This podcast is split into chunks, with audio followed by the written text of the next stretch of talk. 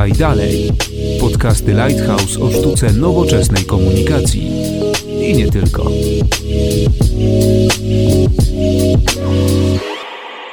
Dzień dobry, Konrad Domański. Zapraszam na 37 odcinek podcastu Podaj Dalej, w którym poruszymy niezwykle gorący, rozgrzewający do czerwoności Polaków temat energetyki.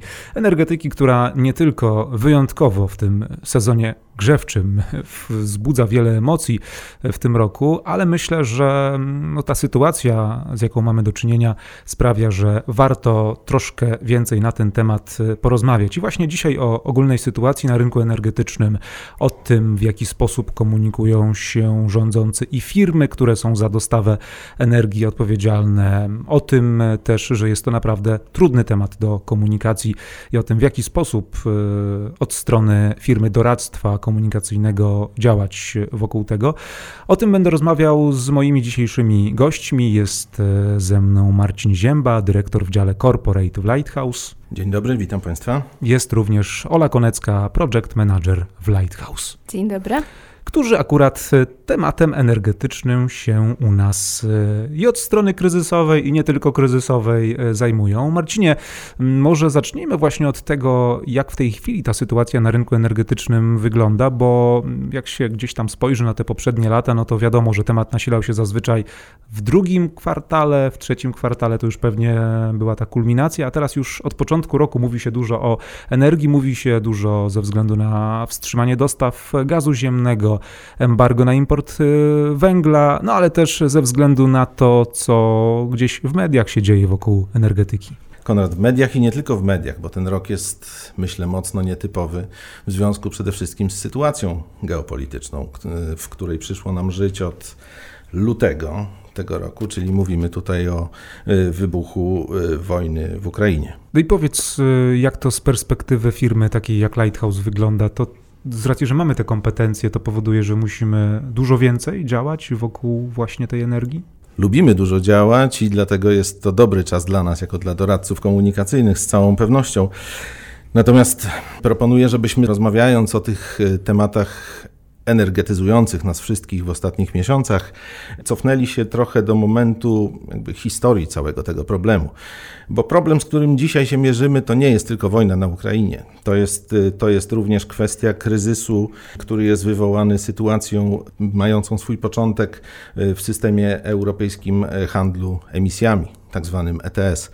To nie jest sprawa nowa, ten system ma już blisko 20 lat. To jest czas, w którym najwięksi wytwórcy energii w naszym kraju i nie tylko w naszym kraju, w całej Unii Europejskiej, y, muszą rozliczać się z każdej wyemitowanej tony dwutlenku węgla do atmosfery. No to naprawdę wygląda poważnie. Wygląda poważnie i jest poważne. I tutaj tak naprawdę swój początek y, bierze ta dzisiejsza sytuacja, ponieważ ten czas, w którym funkcjonuje ETS, to był czas, w którym tak naprawdę można było przestawić polską energetykę na przykład w stronę odnawialnych źródeł energii. To nie do końca się niestety wydarzyło.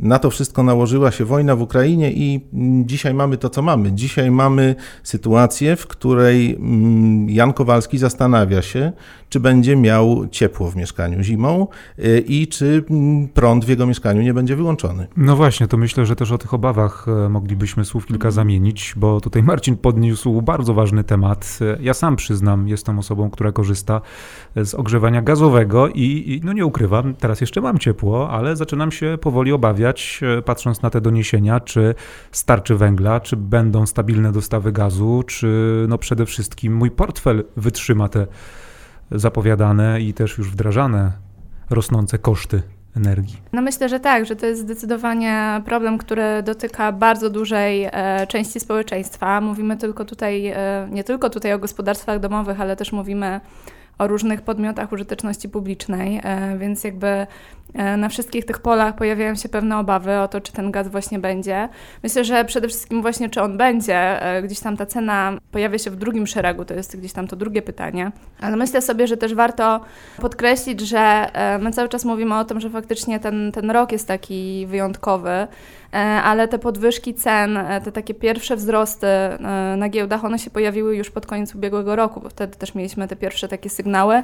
Też w mediach pojawiły się doniesienia o tym, że gospodarstwa, że, że właśnie szkoły i tak dalej dostają wyższe rachunki za, za gaz, za, za prąd niż miało to miejsce do tej pory. To był, wydaje mi się, taki pierwszy sygnał, kiedy ludzie faktycznie zaczęli się też tą energetyką tak dość żywotnie interesować. Szczególnie, że też wtedy to był ten moment, kiedy, kiedy rząd zaczął wprowadzać pierwsze, pierwsze dodatki osłonowe. To wtedy był dokładnie dodatek osłonowy i gdzieś tam e, ten temat wtedy wybrzmiał. Myślę sobie, że e, no, my nie sięgamy pamięcią aż tak daleko wstecz, stąd ten, ten koniec zeszłego roku może tak nie jest właśnie w naszej świadomości jeszcze obecny, e, że to już wtedy się zaczęło, ale no, bez wątpienia takim później drugim momentem był, było przerwanie dostaw przez Gazprom do Polski i, i wtedy te obawy o dostępność tego surowca faktycznie zaczęły być dość poważne. Ja szczególnie teraz w ostatnim czasie zwróciłam uwagę na, na badanie, które Rzeczpospolita co jakiś czas przeprowadza, e, zadając różne pytania opinii publicznej. I właśnie we wrześniu pytaniem było to, czy, czy ludzie faktycznie obawiają się tych cen mediów, cen, cen gazu, ogrzewania itd. No i 84% respondentów odpowiedziało, że tak. Więc tutaj zdecydowanie ta diagnoza jest słuszna, a z drugiej strony e, też, też pojawiało się pytanie, czy na przykład e, rezygnacja właśnie, od, odcięcie się od tych dostaw z Rosji za wszelką cenę, e, jakby postawienie, postawienie takiego weta temu, co, co, co Rosja e, robi na Ukrainie, to jakby tutaj też 60% Polaków powiedziało, że tak, zgadza się z tym, że tak to powinno wyglądać. Więc z jednej strony oczywiście mamy te obawy, no bo to dotyczy nas wszystkich, z drugiej strony mam wrażenie, że też mamy jakiś tam poziom akceptacji dla tego, co, co robi polski rząd i dlatego, że, że, że, to, że to embargo na węgiel właśnie zostało wprowadzone, dlatego, że jakby, że polski rząd zdecydował się, że, że nie będzie e, płacił za, za gaz Gazpromowi w rublach, co, co też było takim katalizatorem tych, e, tych kolejnych działań. Więc tutaj myślę, że poparcie społeczne jest, no ale no nie ukrywajmy, no w momencie, kiedy przychodzi zima i my, my się obawiamy o to, czy, te, czy ten nasz kaloryfer będzie ciepły. To zaraz się może skończyć to poparcie i spaść Do, Dokładnie, do zera. no to są bardzo skrajne emocje, więc e, myślę, że, e, że to na pewno, co też trzeba mieć na uwadze, jakby ta energetyka i, i te ceny, i jakby ta sytuacja, kwestie dostępności i tak dalej, to też nie jest tak, że, że jakby konflikt wojenny, jego zakończenie to wszystko rozwiąże, no bo jesteśmy gdzieś tam w procesie transformacji energetycznej, o którym Marcin też wspominał. On faktycznie się jeszcze do końca nie, nie zadział, nie wydarzył. To jest cały czas proces, który też Unia wspiera.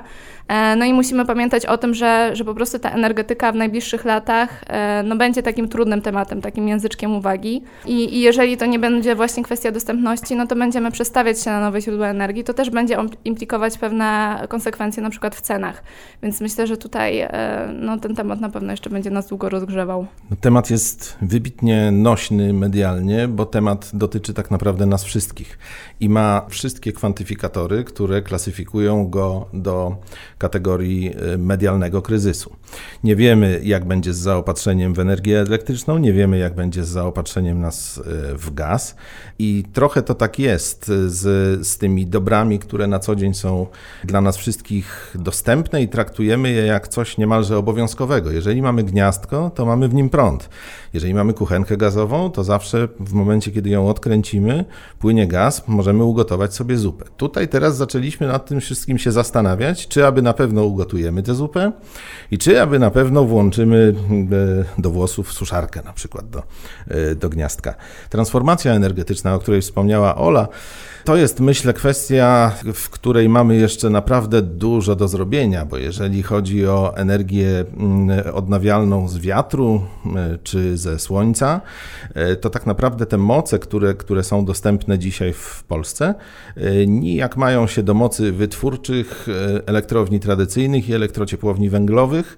Krótko mówiąc, żeby zastąpić te tradycyjne elektrownie, elektrociepłownie, potrzebujemy jeszcze dużo, dużo więcej wiatraków. O fotowoltaice nie wspomnę, bo tutaj jakby sprawność wytwarzania jest, y, jest sporo niższa.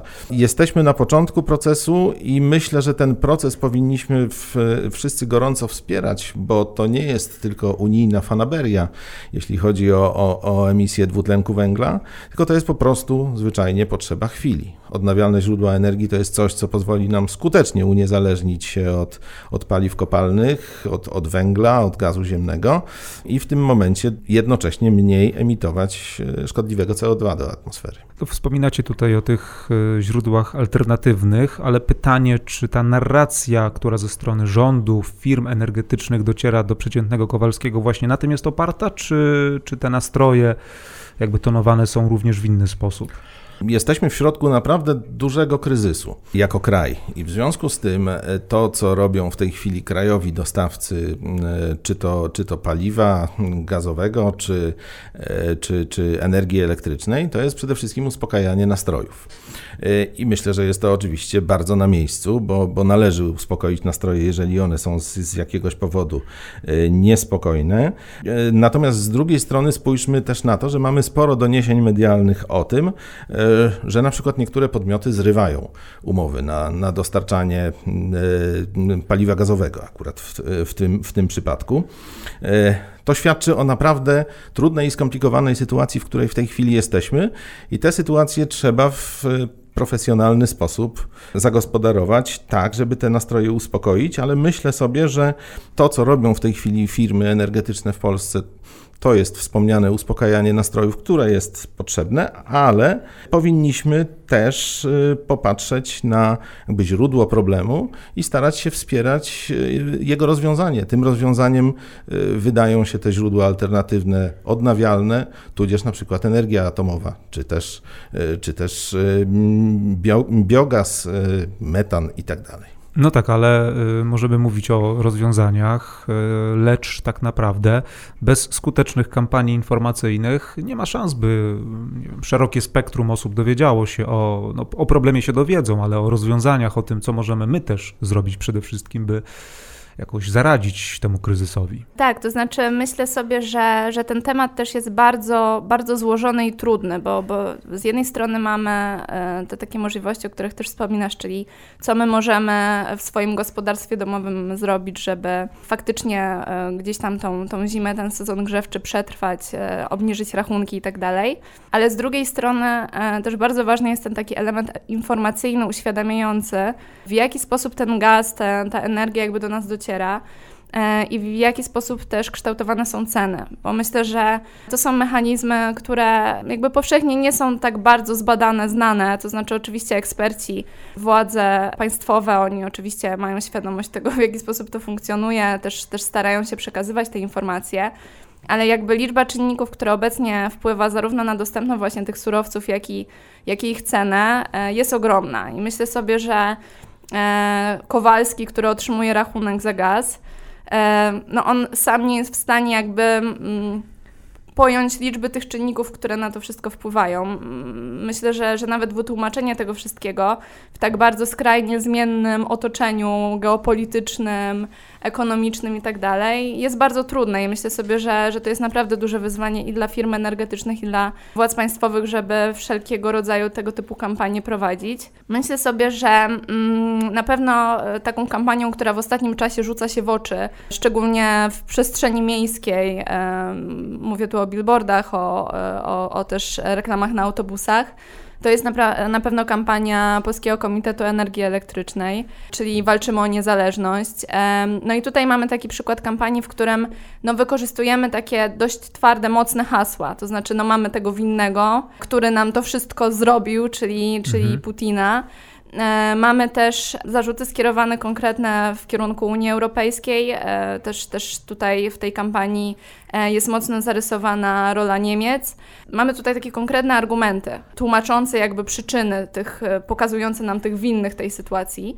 Pytanie tylko, czy, czy to jest właśnie ten, ten kierunek, czy, czy w tym momencie, w momencie, kiedy mamy bardzo dużo niepokoi takich społecznych, no myślę, że, że tych emocji jest w społeczeństwie bardzo dużo, takich skrajnych to czy bardziej odpowiednim kierunkiem nie powinno być trochę tonowanie tych emocji, czyli właśnie mhm. mówienie o tym, że jednak będziemy bezpieczni, że tego gazu, że, że tego węgla nam nie zabraknie. Jako doradcy komunikacyjni staramy się niezmiennie namawiać naszych klientów na komunikację pozytywną. E, I, I, myślę, że w tym obszarze, o którym rozmawiamy, e, taką komunikacją pozytywną, która, która powinna mieć miejsce, to, jest, to są kampanie typu Energy Efficiency, czyli mówiące o efektywnym wykorzystaniu energii na poziomie naszego mieszkania, domu, czyli na własnym podwórku, krótko mówiąc.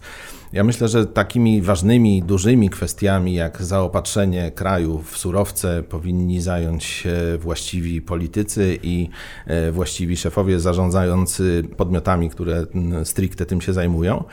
Natomiast to, co powinno, wydaje mi się, nastąpić i co się po części już dzieje, bo tego typu kampanie też widzimy w przestrzeni e, publicznej, to są właśnie kampanie uczące Jana Kowalskiego tego, w jaki sposób on na swoim poziomie może oszczędzić energię. Bo być może wystarczy na przykład wyłączyć oświetlenie na domu, jeśli mieszkamy w domu. Być może nie musimy używać takiej ilości żarówek, e, być może możemy zmienić je na energooszczędne. E, jeśli mowa o energii cieplnej, powinniśmy, wydaje mi się, edukować e, ludzi o tym, w jaki sposób e, efektywnie wietrzyć mieszkania, tak, żeby nie tracić e, ciepła każdego dnia. To wszystko to są, wydają się małe kroki, natomiast one przekładają się na bardzo konkretne ilości, czy to węgla, który musi zostać spalony w elektrociepłowniach, czy to gazu, który musi zostać do Polski sprowadzony z kierunków innych niż dotychczasowy.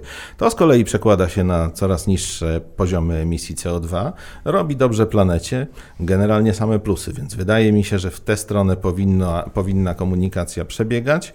Natomiast uspokajanie nastrojów to jest coś, co jak najbardziej powinno tym, y, tego typu kampaniom również towarzyszyć. A jeżeli mielibyśmy tak spojrzeć na to z szerszej perspektywy, czyli jak takie kampanie, ile tych kampanii uświadamiających mamy w Polsce i czy, nie wiem, w Europie, na świecie wygląda to mhm. lepiej, gorzej? Widzicie jakieś różnice? To znaczy, na pewno widać taki moment zastanowienia w wielu państwach, e, w którym kierunku ta komunikacja powinna pójść.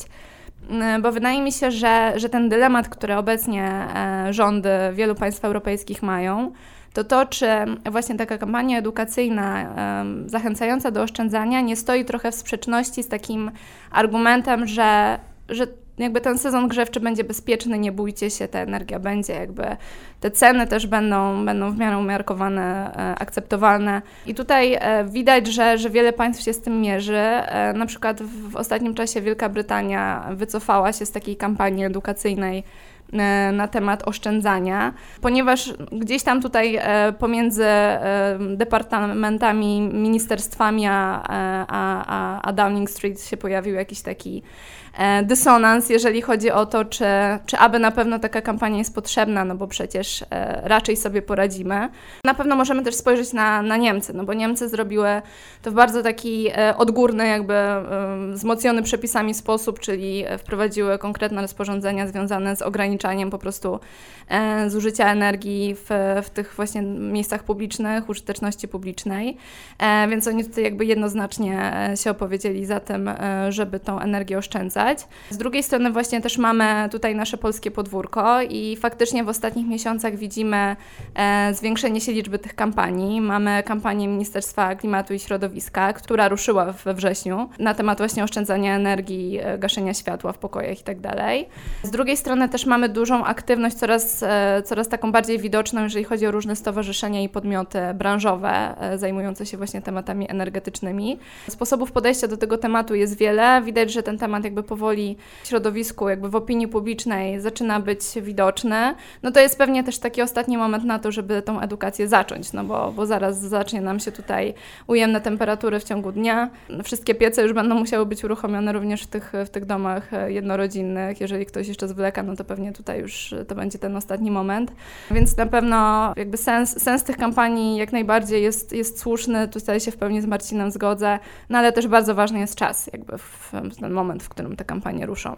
I ten czas, który mamy teraz, jest myślę najbardziej odpowiedni, e, bo zaczynamy sezon grzewczy, właściwie już go zaczęliśmy. Ja już od miesiąca. Tak, to grzeje.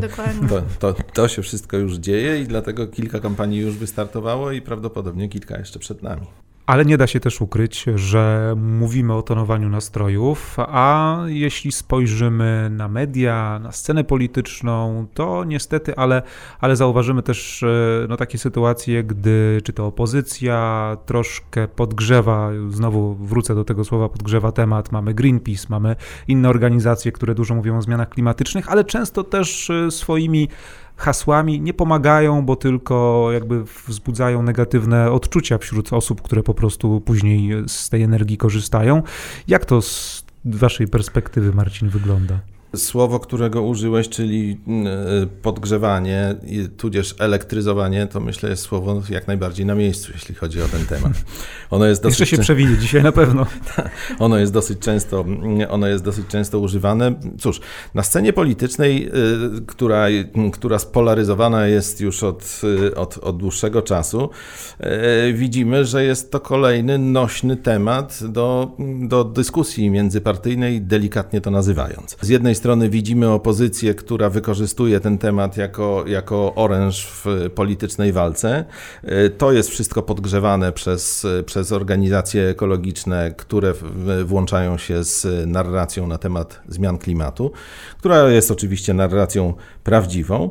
Mm, Natomiast z drugiej strony widzimy właśnie taką typową grę na emocjach, retorykę wojenną, bitewną, która przeradza się nawet w walkę z Unią Europejską.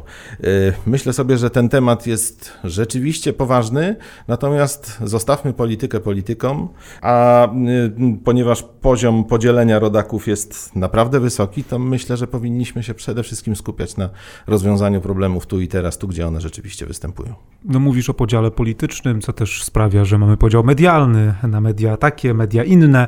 E, Jakie konkretnie to, to tego przywoływać tutaj nie będziemy, bo każdy chyba doskonale wie o co chodzi, E, ale też e, no, myślę, że jeszcze kilka lat temu, gdy spojrzeliśmy na media mainstreamowe, gdy spojrzeliśmy na social media, to o tej energetyce no, nie mówiło się jakoś wiele, ale też da się zauważyć, że właśnie do tych nowych mediów dosyć mocno, dosyć mocno temat energetyczny dotarł. Ja przyznam szczerze, no nie spodziewałbym się na przykład, że Jakub Wiech pojawi się w kanale sportowym i będzie o energetyce e, mówił. E, Jakub Wiech, który też nie, chyba nawet miał kiedyś okazję e, w Lighthouse prowadzić jakieś szkolenie na temat energetyki. To jeszcze zanim to było modne, ale no umówmy się, wówczas była to tematyka niszowa, teraz już taka nie jest i teraz mamy dużo ekspertów, ekspertów i ekspertów prawdziwych.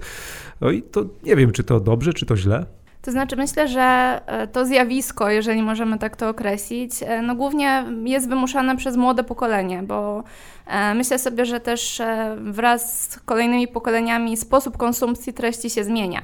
To znaczy, mm, wydaje mi się, że takim momentem, przynajmniej kiedy ja zauważyłam, że na przykład Instagram czy TikTok zaczyna być takim źródłem informacji była najpierw ewakuacja e, Afganistanu przez Stany Zjednoczone. Ja wtedy naprawdę zobaczyłam dużą liczbę profili na Instagramie i, e, i na TikToku, które zaczęły mm, jakby omawiać tą sytuację z różnych perspektyw. To znaczy, to byli i dziennikarze bardziej na Instagramie, e, i też właśnie eksperci, tacy obserwatorzy zjawisk geopolitycznych na TikToku.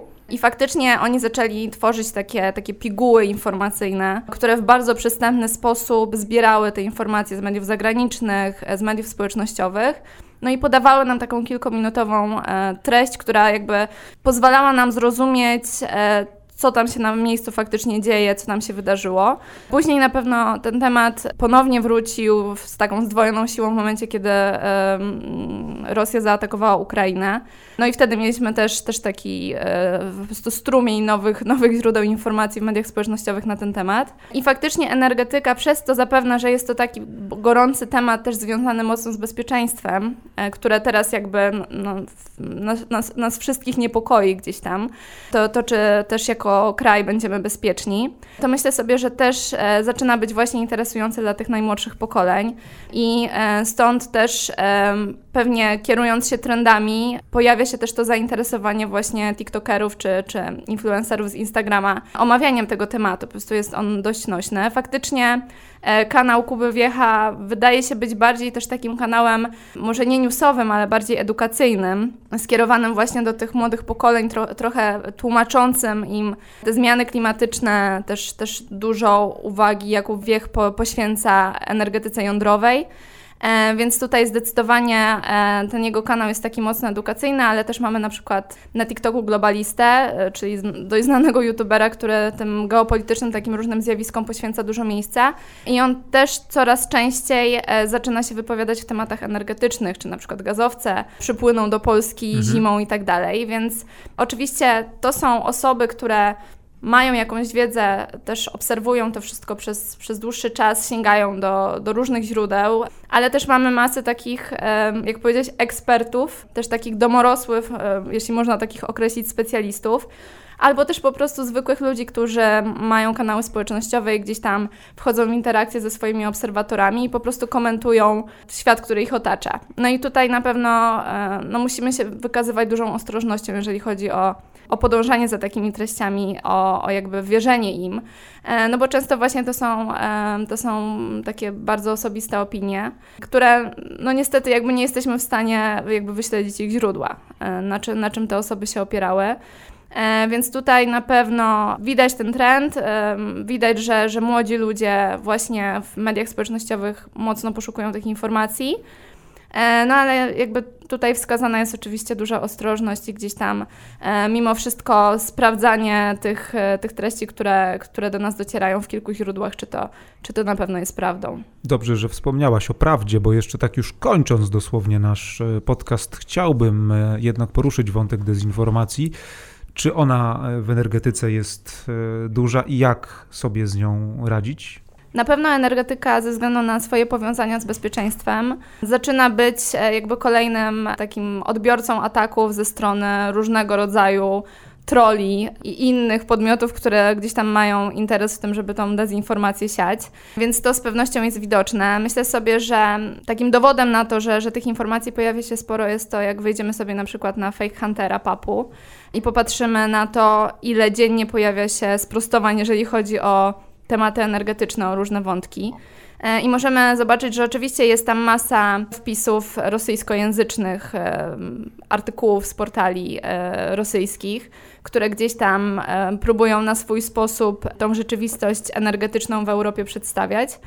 Ale mamy też sporo tweetów, które no, widać, że, że gdzieś tam sieją różne takie niebezpieczne gdzieś tam E, budzące obawy informacje. E, na pewno Nord Stream też, e, wybuchy Nord Streamu były takim momentem, kiedy tych e, takich niepokojących e, treści zaczęło się sporo pojawiać. Ale z drugiej strony, co, co też e, jest ciekawe, jest to, że, że też często mm, wyjaśniane są, czy też prostowane informacje, które się pojawiają też w mediach, polskich mediach. Mhm. No bo niestety musimy mieć na uwadze to, że, że, że te informacje teraz rozchodzą się bardzo szybko. No i też jakby ich wiarygodność e, no, pozostawia trochę do życzenia. Więc, więc tutaj ponownie e, warto by było pewnie zwrócić uwagę na tą, na tą czujność. I myślę sobie, że niestety ta dezinformacja to jest taka współczesna broń teraz i polityczna, i, i gdzieś tam w tych konfliktach wojennych. I ona, e, ona będzie jakby przybierać na sile i będzie powodowała, że po prostu my wszyscy jakby musimy bardziej uważnie przyswajać te treści i się z nimi zapoznawać. W dzisiejszych czasach niezwykle ważna jest skuteczna walka z dezinformacją, która coraz bardziej nas otacza. I dlatego od zawsze e, najlepszym sposobem na walkę z dezinformacją jest e, informacja wiarygodna, informacja, która płynie nie tylko od blogerów, influencerów i ekspertów, ale taka informacja, która wydostaje się z tych podmiotów, czy to administracyjnych, czy to biznesowych, odpowiedzialnych za zaopatrzenie Polski, czy to w surowce, czy to wytwarzających energię. Mam nadzieję, że taka informacja będzie jak najczęściej nam e, towarzyszyła i będzie rozwiewała podstawowe wątpliwości Polek, Polaków. Podsumowując powoli, czasy mamy bardzo ciężkie, ale nie beznadziejne. I tylko zdrowy rozsądek oparty na rzetelnej informacji i racjonalne podejście pozwolą nam y, suchą stopą przejść przez dzisiejszą jakże trudną sytuację, myślę, że niespotykalnie trudną, czego nam wszystkim życzę, życzę naszym klientom i naszym słuchaczom. Myślę, że tą piękną sentencją na koniec. Możemy zamknąć klamrą. 37 odcinek podcastu Podaj Dalej, który dzisiaj poświęciliśmy tematowi gorącemu, bo energetyce i myślę, że powinniśmy trzymać kciuki, by sytuacja na całym świecie się uspokoiła, tak by do tego prądu, gazu, węgla nam po prostu nie zabrakło, ale też apelujemy o to, by podchodzić do tego bardzo z rozwagą i też samemu wpływać przede wszystkim na zużycie tej energii i starać się oszczędzać gdzie i kiedy możemy. Dzisiaj moimi i waszymi gośćmi byli Marcin Zięba, dyrektor w dziale Corporate w Lighthouse. Dziękuję. Dziękuję bardzo. Oszczędzajmy prąd. To są naprawdę nieduże rzeczy, które mogą pomóc nie tylko planecie, ale i całej sytuacji. Była też z nami Ola Konecka, project manager w Lighthouse. Dziękuję i myślę, że warto dodać, że tylko spokój w tej sytuacji nas uratuje. Spokój, a jeżeli firmy mają jakikolwiek problem, to telefon do Marcina i Oli. Konrad Domański, dzięki za wysłuchanie i słyszymy się w kolejnych odcinkach podcastu Podaj Dalej. Spodobał Ci się nasz podcast? Podaj dalej i śledź naszą stronę oraz kanały społecznościowe.